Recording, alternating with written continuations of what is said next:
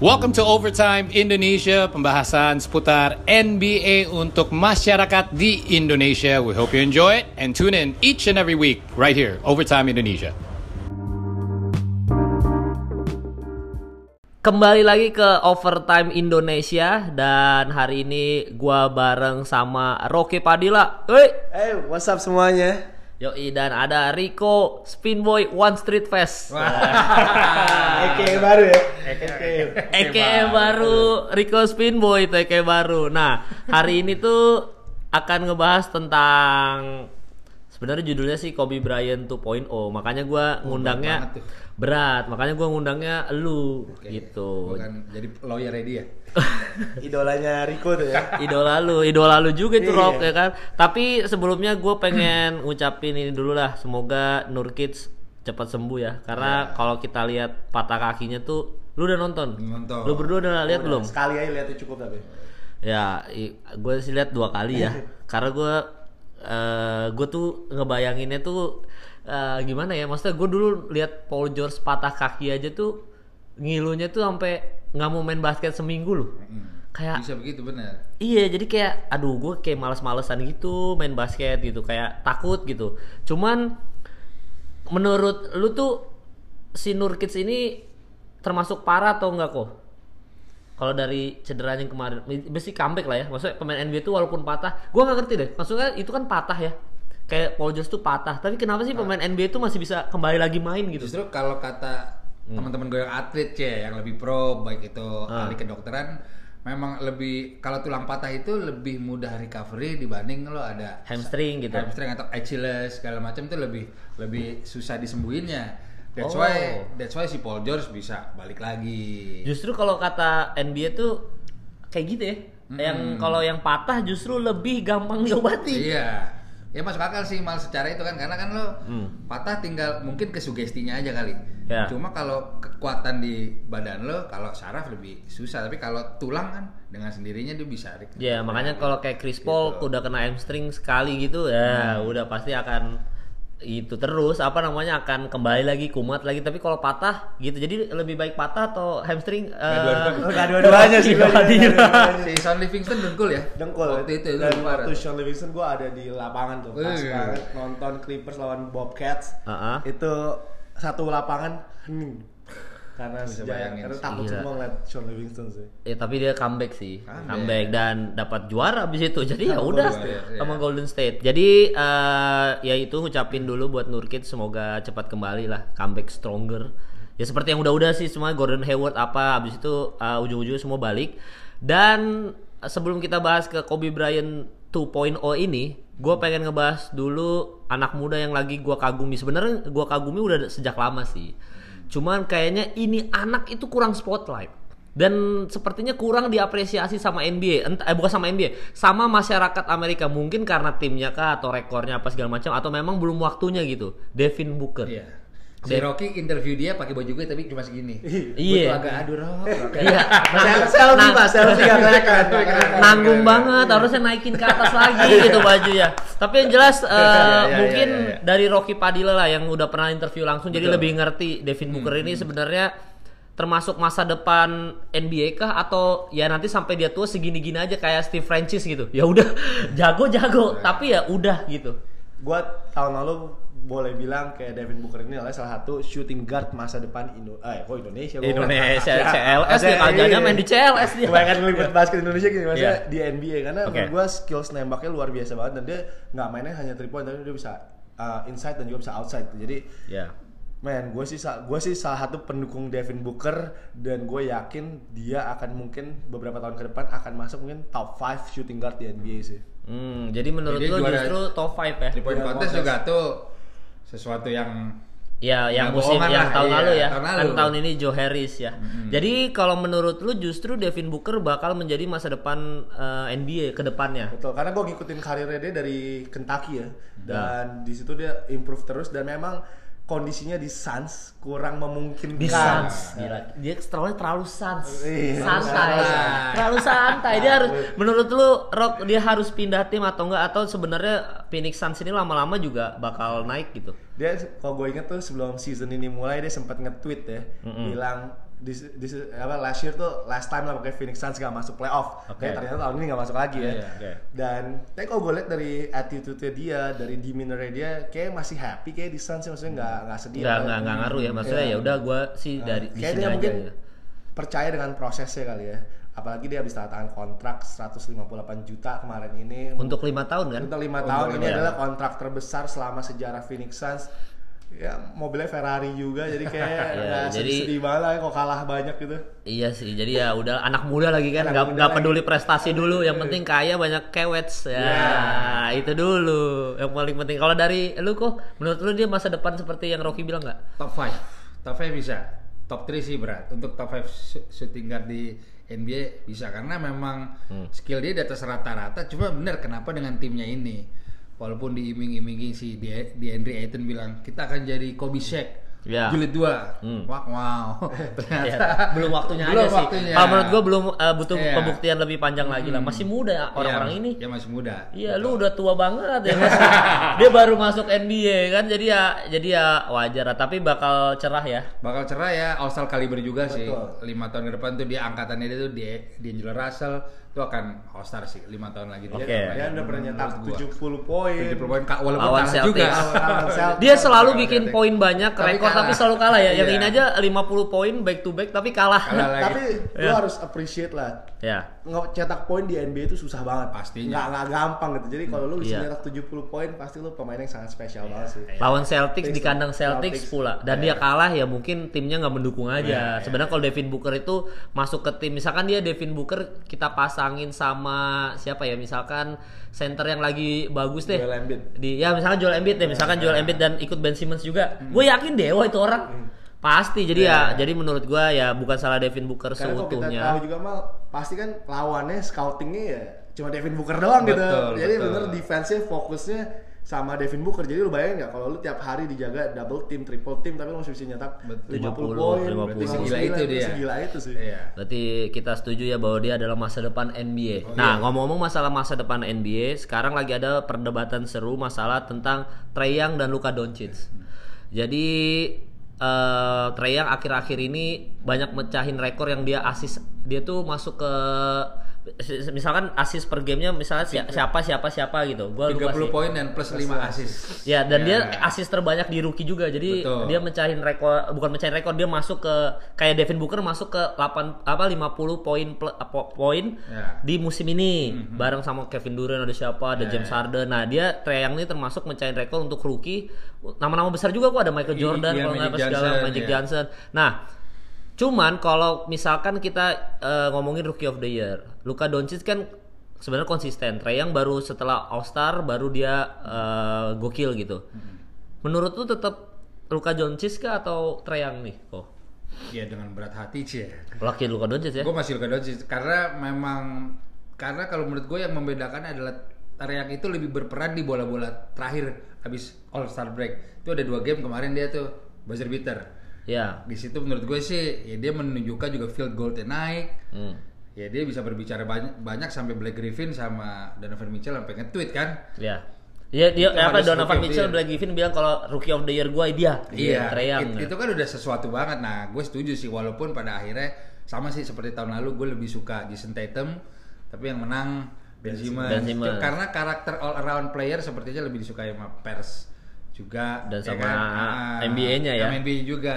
Jadi daripada Trae Young kayaknya bakal Luka Doncic karena di semua lini Luka Doncic tuh statistiknya ada Betul, semua iya. gitu di rookie. Kalau lu sama kalau lebih ya iyalah mau siapa lagi. Ya, lebih sama sih, tapi memang Ya. Luka Doncic ini triple double juga lumayan sering ya Ya. season ini dan kita nggak bisa pungkiri orangnya sangat mudah disukai gitu. Betul. Iya. Orangnya nggak sombong gitu. Jadi itu menjadi nilai plus juga. Sedangkan Trey Young sayangnya di awal season itu field goal percentage sih jelek, Jelek. turnovers banyak, Banyak. banget dan dia emang kesulitan. Tapi emang setelah All Star dia bilang dia tuh udah belajar banyak jadi gamenya tuh lebih slow motion kepada dia sehingga dia sekarang bisa produktif banget gitu tapi Trey Young and John Collins di Atlanta gue ngefans banget sih Jadi eh, lebih lebih masa depan mana nih Trae Young sama Devin Booker nih?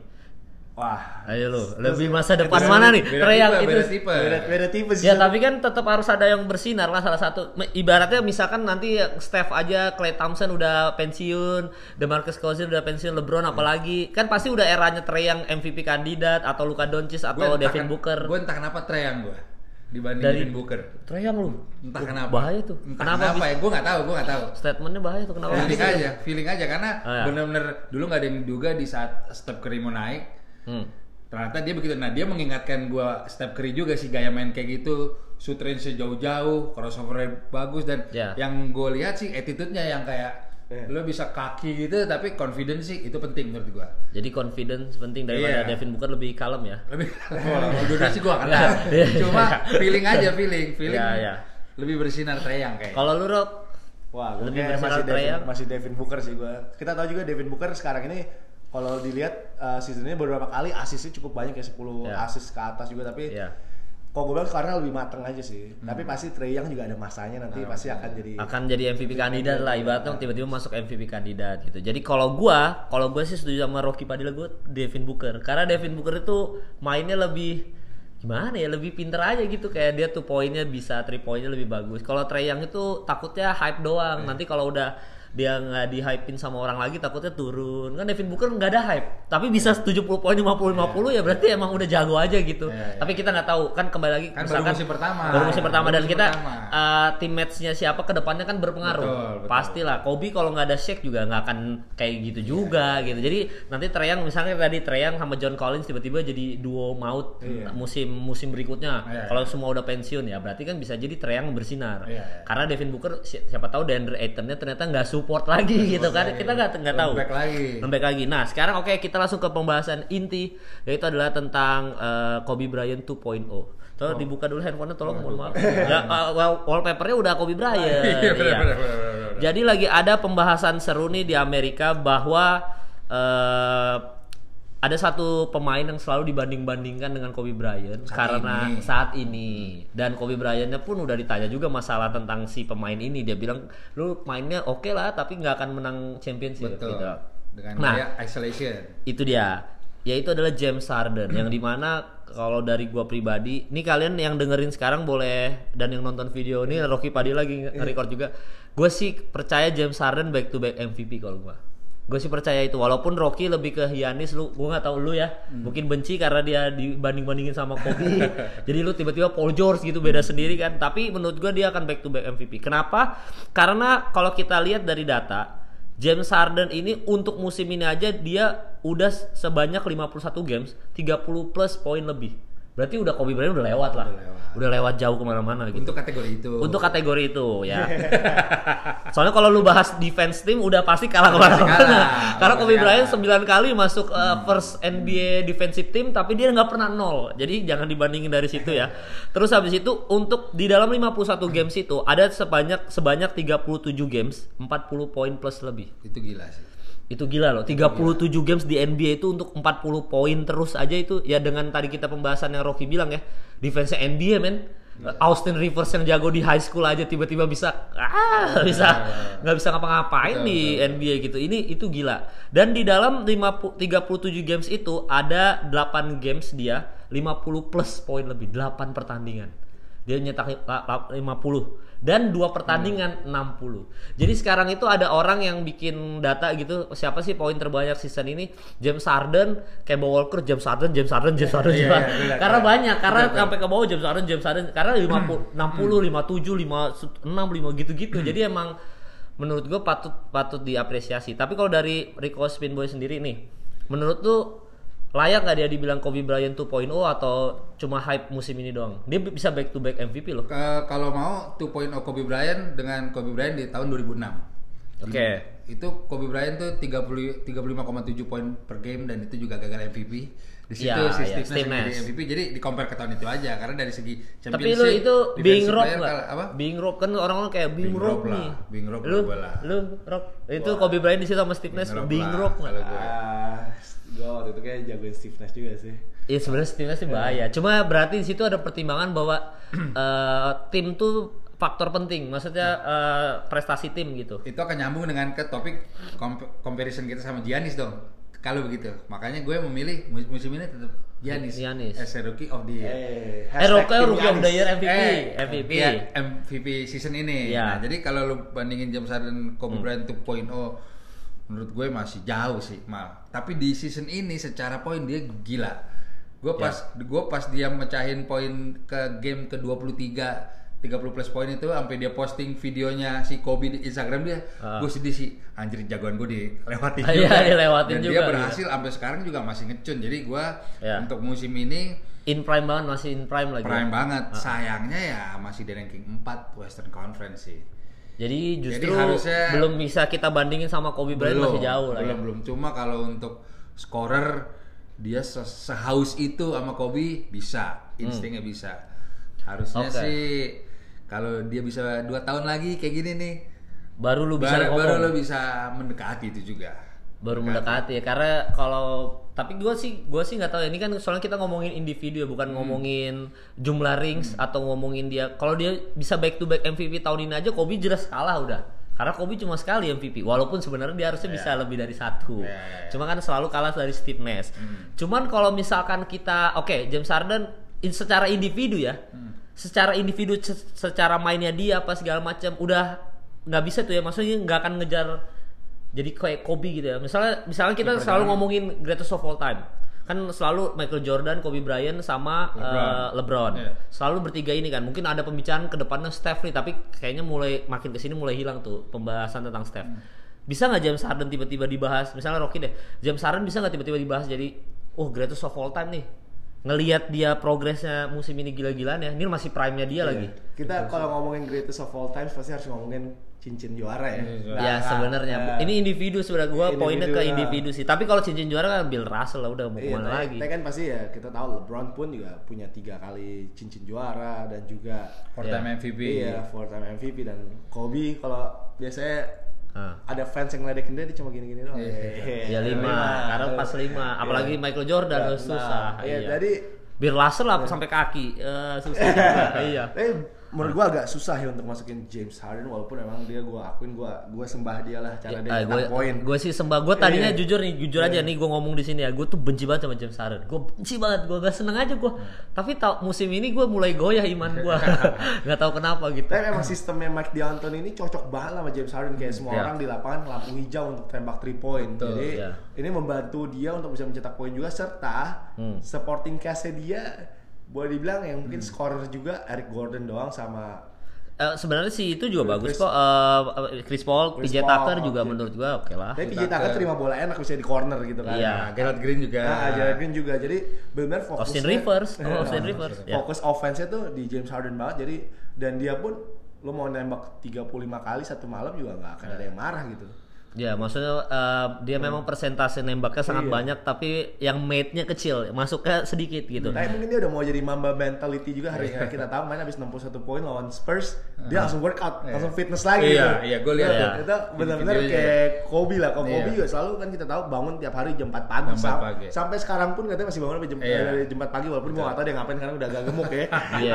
Tapi katanya emang kebiasaan itu nggak bisa dihilangkan. Jadi benar-benar ya kalau mamba mentalitinya mungkin ada kali ya. Iya, dia iya. pengen menang, nggak mau kalah dan mungkin killer instingnya juga gue bilang ya mirip-mirip lah bisa dibilang kayak Kobe dia waktu lawan Warriors kita tahu dijaga dua orang Draymond Iya. dan juga satu lagi kan Clay kalau nggak salah ya. waktu Iya. itu yang game winner Iya. ya itu juga boleh dibilang killer insting lah Iya, dia Iya. bisa masukin itu Lawan Spurs juga killer Nah, insting. iya. Walaupun dia kalah lawan Milwaukee Bucks ya pas kita lagi rekaman ini dia kalah sama Milwaukee Bucks. Padahal di situ ada per ya ibaratnya di situ kalau di NBA gambarnya tuh rebutan piala MVP nih pertandingannya Iya. gitu. Tapi ya nggak tahu sih ya dia mungkin kandang Milwaukee Bucks dan Milwaukee Bucks lagi bagus juga mainnya. Hmm. Houston Rockets jadi lagi kurang aja. Jadi menurut gue itu nggak bisa perbandingan. Nggak bisa. Nah cuma berarti kalau misalkan kita nggak bisa bandingin sama Kobe Bryant.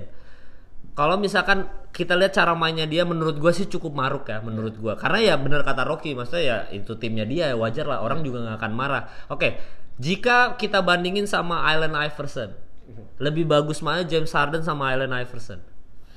dari segi apa nih enggak Ya dari segi individu Oke, dan kan jadi Iverson juga sama. Tipenya di Sixers dia adalah tim yang ya, dia mau nge-shoot berapa kali juga Sixers nggak akan Jadi marah gini, gitu. Jadi gini, gue kan gue kan street baller nih. Ya, oke. Isolation itu selalu menjadi posisi ya udah Ya. posisi favorit gue buat nyerang. Ya. Di kacamata awam gue, Nah, itu yang bisa seperti itu ya lo mau isolation all the time itu cuma LeBron di mata gue sebelumnya. Oke. Belum pernah ada shooting guard yang bisa isolation bahkan Jordan sekalipun lo harus dek baru lo main badan begitu juga kan Kobe fadeaway. Iya. Tapi kalau James Harden Ah. itu gue bisa anjir gampang banget tuh lewat ya. Iya. Itu yang Kobe menurut gue nggak bisa bahkan Nah. sehalus itu. Dan satu satu persamaan Terus dengan Kobe. tangannya di gini biar Iya. itu itu itu gila sih dia dia Nah, gila sih. satu persamaan lagi yang ternyata kita apa orang-orang di luaran sana menyamakan James Harden dengan Kobe Bryant adalah sebenarnya dia ketolong free throw.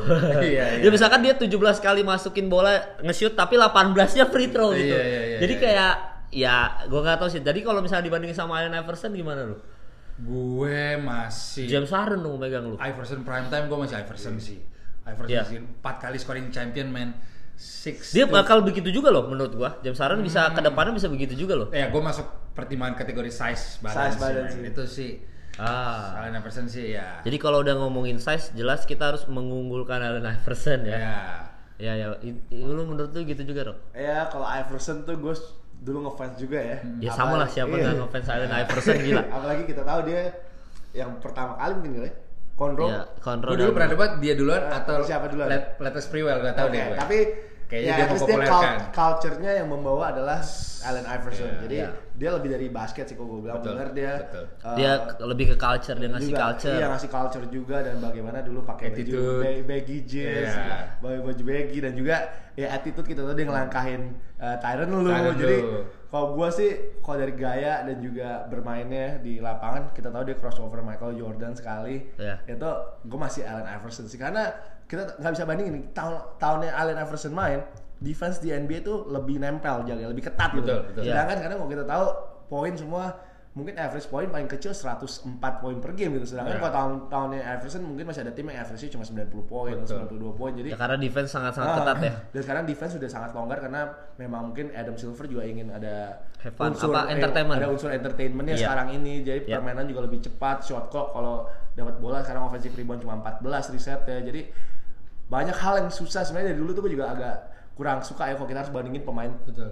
uh, zaman sekarang dengan Iya, pemain zaman iya. dulu karena Setuju. permainannya beda banget. Betul betul. Ya benar, karena memang makanya sekarang kan selalu orang bilang kayak gitu NBA sekarang lemah, NBA lemah gitu. Tapi ya memang kalau keras terus entertainmentnya kurang. Kurang, Jadi kompetitif ya, Iya. tapi secara entertainment kurang. Cuma kan sekarang Adam Silver otaknya sangat-sangat entertainment itu makanya suka ada NBA Global Games apa segala macam untuk mengentertain fans-fans yang tidak hanya di Amerika. Jadi biar NBA itu benar-benar global. Jadi oke eh, berarti nggak ada nggak ada bisa- kita nggak bisa bandingin ya James Harden sama Kobe Bryant udah nggak bisa ya? Ayo dong nih, Ome. Udah nggak bisa ya? Berarti keputusannya Oh, udah ponakan, udah ponakan nih, ponakan, sorry. Iya, gimana nih sebagai Gue, cucunya Kobe Bryant ya? Adik dari Vanessa sepupu om kedua. Oke, berarti Ya, udah gua Oke. Kalau menurut gua lo ngomongin shooting guard aja James Harden harus nge- ngelewatin D-Wade kalau menurut gue. Jadi untuk shooting guard nggak masuk. belum lah, bukan nggak masuk not Iya. yet. Not yet. Kita Iya, tunggu aja sampai dia nanti akhir musimnya bisa Iya. berapa cincin. Bi- Bisa berapa cincin itu. Oke, Ini cuma betul. satu dua musim dia gila. Iya betul. Kobe udah belasan tahun, 20 tahun dan belasan tahunnya itu gila. Jadi Ya, soalnya kalau menurut gua baru ukur sih Ya. belum. Soalnya menurut gua Houston Rockets nih ada peluang tahunnya eh tahun depan tahunnya dia karena Golden State Warriors mungkin tahun depan udah Bubar masa jalan. ya udah mulai pelan-pelan KD-nya cabut mungkin Iya, Clay-nya iya. mungkin kita nggak tahu cabut DeMarcus Cousins ditarik siapa Draymond Green juga kemungkinan cabut gitu jadi Golden State ini era terakhirnya dia Era terakhir. nah siapa yang kedua di eh, terhebat di West kalau Lakers nggak datangin pemain yang jago-jago atau Clippers mungkin ya nggak datangin pemain jago-jago kemungkinan Houston Rockets yang megang West- Western Conference gitu Conference. jadi ada kemungkinan besar tahun depan James Harden dan teman-teman bakal banyak dapetin rings kalau gua ya ini ini ini pemikiran gua karena Golden State tahun ini Jangan tahun lupa, terakhir dia jangan lupa Is dong. Is jangan dilupakan dong. iya tapi ini kan ngomongin Westernnya Eh kalau dapet cincinnya harus juara NBA. Eh, iya, iya, itu jadi- benar juga sih Dulu, iya, kalau. Is semuanya pada pindah ke Is juga Terus juga Iya cuma kan Kawhi aja ditanya bakal stay di Toronto nggak? Dia diem doang Clippers, gitu. Kemungkinan Kawhi. kan bisa ke, ke LA kan. Jadi LA bisa kemungkinan tahun depan ku- lebih kuat daripada San Francisco, Golden State. Tapi kita tidak bisa pungkiri bahwa second base-nya Western adalah Houston Rockets. Betul. Jadi ya mungkin OKC aja belum bisa ngimbangin Houston Rockets kalau di gua. Jadi kemungkinan besar James Harden kalau ngelihat tren ini bisa jadi gila nih kalau gua sih ya pokoknya Feeling lo ya, feeling lo ya, ya. ini feeling gua karena Golden State ini ini terakhirnya dia ini udah eranya dia terakhir habis itu musim depan pasti berantakan mungkin masih jago karena ada Steph tapi ya udah udah caur aja udah udah udah bukan eranya dia gitu jadi Udah ya time lah ya Ya, jadi gitu ya. Tapi ini terakhir sebelum udahan MVP kah si James Harden atau tetap Giannis lu? Lu? Giannis gua kalau gua. Giannis ya. maunya ya maunya Karena nih gue sudah se- sempat bahas sama Rocky gitu. Cuman ya kalau misalkan kita perbandingannya adalah kalau Giannis itu MVP musim ini, karena kan kalau pembahasan gue sama Rocky sebelumnya, kalau kita tarik Giannis dari Bucks, Bucks nggak mungkin sejago sekarang. betul Tapi kalau perbandingan kayak gitu harusnya LeBron James berkali-kali MVP pas di Cleveland Cavaliers gitu. Nah, kalau ngelihat rekor Westbrook itu pernah MVP karena cuma triple mecahin rekornya triple doubles, berarti kan ada kemungkinan bahwa NBA melihat rekor. Bukan melihat nggak melihat tim lagi ya, maksud bisa melihat sisi individual doang. Jadi gue James Harden gua. Lu lu uh, Giannis satu terkumpul ya. Gue James Harden lu Rock. Hampir goyah. Iya, Gue- gue sih goyah gua. Iya. Iman gua goyah gua. karena ka- karena Milwaukee Bucks itu posisi satu bukan hanya di East tapi secara NBA, NBA keseluruhan Iya, benar. itu Gua- sih yang gua angkat topi sih gue gue setuju tapi pembahasan James Harden ini Oh iya, keras nih gitu keras, jadi gue gue goyah iman gue Kita goyah emang tahu James Harden pun sekarang udah mencetak 30 poin lebih lawan semua tim ya. iya lawan semua tim di NBA Gila, Iya. jadi itu luar biasa banget pencapaian yang kita nggak pernah mungkin nggak pernah lihat kali sebelumnya. nggak pernah Jordan Iya. tahun 87 Eh, eh, jadi Jordan benar tahun 87 luar biasa banget. Ah, Apalagi- Jordan kenapa tahun 87 30 poin terhadap semua Semuanya. tim oh iya berarti terakhir musim. ya berarti terakhir tuh Jordan baru James Harden nih James Harden. iya dan apalagi main habis 61 poin. Dua kali pula Jadi gua kayak agak-agak goyah banget gitu, tapi gue tetap dengan pendirian gua Giannis ada tetap Giannis karena rekornya Bucks nomor satu di NBA. Oh satu lagi, Ya, gue oke. sebagai fans Kobe gue harus mengakui. Oh, ya. Kalau ada kemungkinan 81 poinnya Kobe dipecahin, itu James Harden orangnya. Oke. Karena first quarter kemarin tuh yang dia nyetak 6 61 itu, Ah. first quarternya udah 24. oke Itu gue nggak mau lihat Instagram. udah udah bete Karena ya itu banyak akan pecahin rekor Kobe 81 gue nggak mau yang itu jangan dipecahin ya. Tapi it's very possible dia ngelakuin sih. Iya ada ada kemungkinan besar dia Iya. nyampe ke situ ya Iya. 81 bahkan dia kan lebih 82 biar di atas biar di atas Kobe dia tinggal sekali free throw doang Iya, udah benar. gitu jadi gitu guys kurang lebih pembahasannya kalian boleh eh, kalau ada yang nggak seret sama pembahasan kita boleh komen di Instagramnya Overtime Indonesia ini juga buat yang nonton channel Rocky Padilla nih silakan komen silakan berdebat Ini Eh, Final Four nggak nih? Final Four NCAA nggak nih? Iya boleh deh. Uh, terakhir ya, Sweet uh, untuk diingetin ya, Sweet 16. Gua yang masuk kalau 4 ya Final Four North Carolina Tar Heels sudah pasti. Pasti. Terus Duke University, Duke. Gonzaga gua. Gua Gonzaga 3 satu lagi Kentucky. Ini bracketnya beda nggak nih? Kita nggak megang Eh iya, iya, bracket. bracketnya kita nggak tahu, tapi bracketnya UNC sama Duke beda. Beda, beda. Eh, kiri. Gonzaga sama UNC sama, makanya UNC sama Gonzaga pasti ketemu. Oke. Cuma menurut gua seingat gua seingat gua kal- eh, benerin aja kalau salah kayak Kentucky ke sisinya Duke. Kayaknya menurut iya. gua. Gua itu sih, gua itu Lo sih. pilih juaranya aja gue nggak hafal soalnya gue Ya, kalau gua juga nggak hafal. Gue gue gue gue sih nggak pernah gue selalu memihak North Carolina sih karena si Jordan kan dulu di situ. Iya. Tapi kalau buat pasar taruhan kayaknya menarik emang Duke sih sekarang. Iya, gue juga, gue sih sebenarnya Duke sih karena gue sempat ngobrol sama apa anak-anak Duke. Anak-anak Duke. bukan sama anak box out. Ya. Jadi eh, apa namanya eh, March Madness ini bener-bener ke Cinderella story banget. Jadi apa pun yang kayak lagi hype lagi hype dan tahun ini katanya kurang kurang kejutan. Iya. Kalau ke tahun lalu kan kayak Villanova tiba-tiba kayak wah menang gitu Iya, kan. iya. Dan menangnya pun buzzer beater gitu terakhir terakhir tuh ke semua orang kayak di lapangan wow panik Iya, gitu. iya. Tapi menurut eh, gua ada anak-anak box out tuh katanya si Duke sih kurang lebih pasti Duke lah tahun ini. Kemarin nggak ada saya- nggak ada nggak ada yang lain lagi gitu. Saya walaupun sih emang gak ada Cinderella story ya season Iya. ini. Karena gue tadi mengharapkan Murray State ya ada Jamoran mungkin Ah, Jamoran, bisa bawa uh, Murray State sampai Iya, jauh. iya. tapi ternyata udah kalah, di second dan dia nangis loh kayak Nangis, nangis, pakai nangis. handuk Pakai nangis nangis, gitu. nangis. Tapi kalau gue sih gue suka underdog Iya. gue selalu underdog juga di hidup jadi Kayak gitu. jadi lu siapa tuh kalau gue? Gonzaga karena ada Rui Hachimura pengen- Rui Hachimura iya. bahaya tuh Rui. iya, dan iya, dia iya. poinnya eh, apa poin per gamenya emang lebih tinggi dari semua pemain bahkan semua pemain di itu Gonzaga ya gua nggak tahu yang NCAA NCAA-nya cuma di Gonzaga dia memang Rui itu tuh siapa Rui siapa namanya Rui Hachimura Iya itu bahaya. keturunan Jepang itu kalau main di FIBA World Cup bahaya juga tuh ntar gitu iya, ya. iya. Jadi ya kalau dari gua ngobrol sama si Rana itu dia Duke. gue sih juga gue sih tadinya gue ya kayak lu juga gue bilang kayak gue Gonzaga loh gitu tapi memang Duke ini hype nya lagi bagus gitu jadi menurut Walaupun udah gue dua kali kalah ya. Iya udah dua kali. Udah udah dua tanpa kali Zion ya. kan Sama lawannya yang Enggak ada yang Zionnya juga ikut ada. Iya, tapi yang berikutnya mainnya juga kalah kan lawan antar Virginia Iya, Tech betul. ini di Iya. regular season kalah tapi Kalah. nggak ada nggak ada Zion. Kalah kan itu. nggak ada Zion. Zion jadi berarti gue Duke lu tadi siapa Duke, Duke juga juga. Duke Gua doang yang University Gonzaga nih. Gonzaga underdog. Iya, karena gua kadang-kadang box outnya ada benarnya. jadi, jadi gua gua i- bener deh kayaknya Eh, di, di shout out terus loh di box out gila. Ya kan gantian waktu itu kan dia Iya, shout out waktu gua diundang ke box out kan di shout out dengerin Oke, overtime Indonesia gantian lah. Pokoknya thank you lah buat semuanya. Thank- Kita bareng-bareng lah maju bareng-bareng. Oke, thank you buat Rocky. Thank you Kemal. Thank you buat. Rico Spin Boy One Street Fest. Ditunggu gua one on one lagi. Siap dong, nanti gua Iya, akan Ri- bikin Rocky lagi. kok gak diajak one on one ini? Udah lagi liburan. Oh, siap. Tapi gua akan bikin nih buat Ya, para habis. you- Oh, buat para YouTubers ya. Habis anjir. Eh, lu lu mati ya? Iya, ya punya Rocky udah mati. Pokoknya nanti bikin lagi ya. Bikin lagi, Oke. one. Thank you guys sudah dengerin Overtime Indonesia episode kali ini. Pokoknya didengarkan lagi episode selanjutnya minggu depan. Insya Allah kita ada lagi ya. Ada lagi. Oke, thank you guys. Mantap.